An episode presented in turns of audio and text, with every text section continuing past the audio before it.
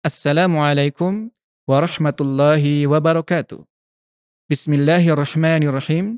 Alhamdulillah wassalatu wassalamu ala Rasulillah wa ala alihi wa ashabihi wa man tabi'ahum bi ihsanin ila yaumiddin amma ba'du.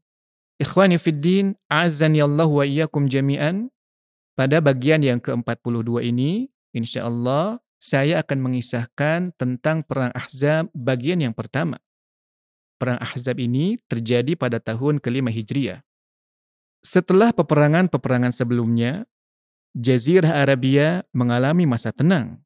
Melihat hal tersebut, kedengkian kaum Yahudi semakin menyala-nyala.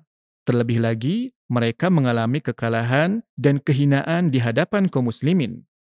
Maka mereka segera melakukan konspirasi atau persekongkolan dengan mengutus 20 orang tokoh-tokoh mereka serta para pemimpin Bani Nadir untuk menemui kaum Quraisy untuk menyerukan peperangan terhadap Rasulullah Sallallahu Alaihi Wasallam, seraya menjanjikan untuk memberikan pertolongan dan berpihak kepada mereka.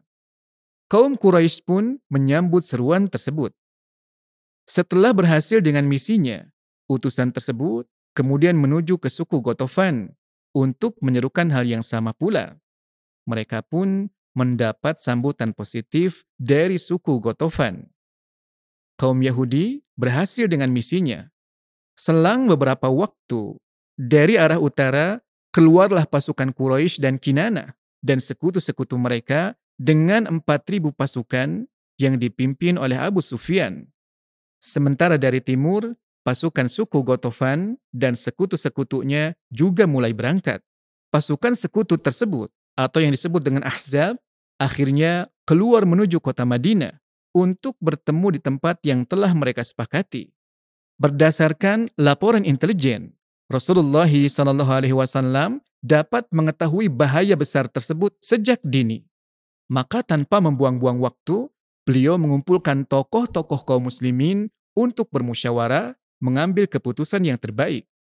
Salman Al-Farisi mengusulkan membuat parit untuk mencegah majunya pasukan Ahzab.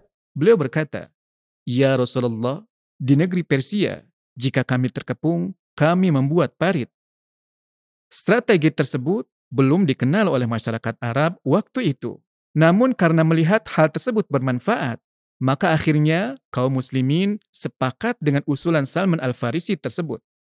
Rencana tersebut langsung dilaksanakan. Dengan penuh semangat dan bahu-membahu, kaum muslimin menggali parit. Rasulullah SAW turut pula bersama mereka. Bahkan beliau memberikan semangat dengan melantunkan bait syairnya. Allahumma la aisha illa aishul akhirah faghfir lil amsari wal muhajirah. Ya Allah, sesungguhnya tidak ada kehidupan kecuali kehidupan akhirat maka ampunilah orang-orang Ansar dan Muhajirin. Tidak ketinggalan, Al-Barra bin Azib juga melantunkan syairnya yang terkenal. Allahumma laula anta mahtadayna wala tasaddaqna wala sallayna فأنزلا سكينة علينا وثبت الأقدام إلا قينا Ula qad baghaw alaina wa in aradu fitnatan abaina. Ya Allah, kalau bukan karena Engkau, niscaya kami tidak mendapatkan hidayah, juga tidak bersedekah dan juga tidak salat. Turunkanlah kepada kami ketenangan dan teguhkanlah kami jika bertemu musuh. Sesungguhnya musuh telah menentang kami. Jika mereka membuat fitnah, pasti kami tentang. Kaum muslimin menggali parit sepanjang siang dan pulang ke rumah jika malam menjelang. Kelaparan sangat mereka rasakan karena persediaan makanan yang sangat sedikit. Namun pada saat itu justru terjadi mukjizat Rasulullah SAW. Adalah seorang sahabat yang bernama Jabir bin Abdullah tatkala melihat kondisi Rasulullah SAW yang sangat memprihatinkan, dia segera menyembeli seekor kambing dan menyiapkan masakan. Kemudian dia mengundang makan Rasulullah SAW dan beberapa orang sahabat saja.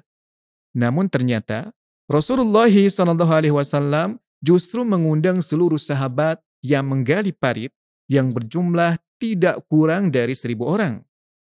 Ternyata mereka semua dapat menikmati hidangan tersebut hingga kenyang.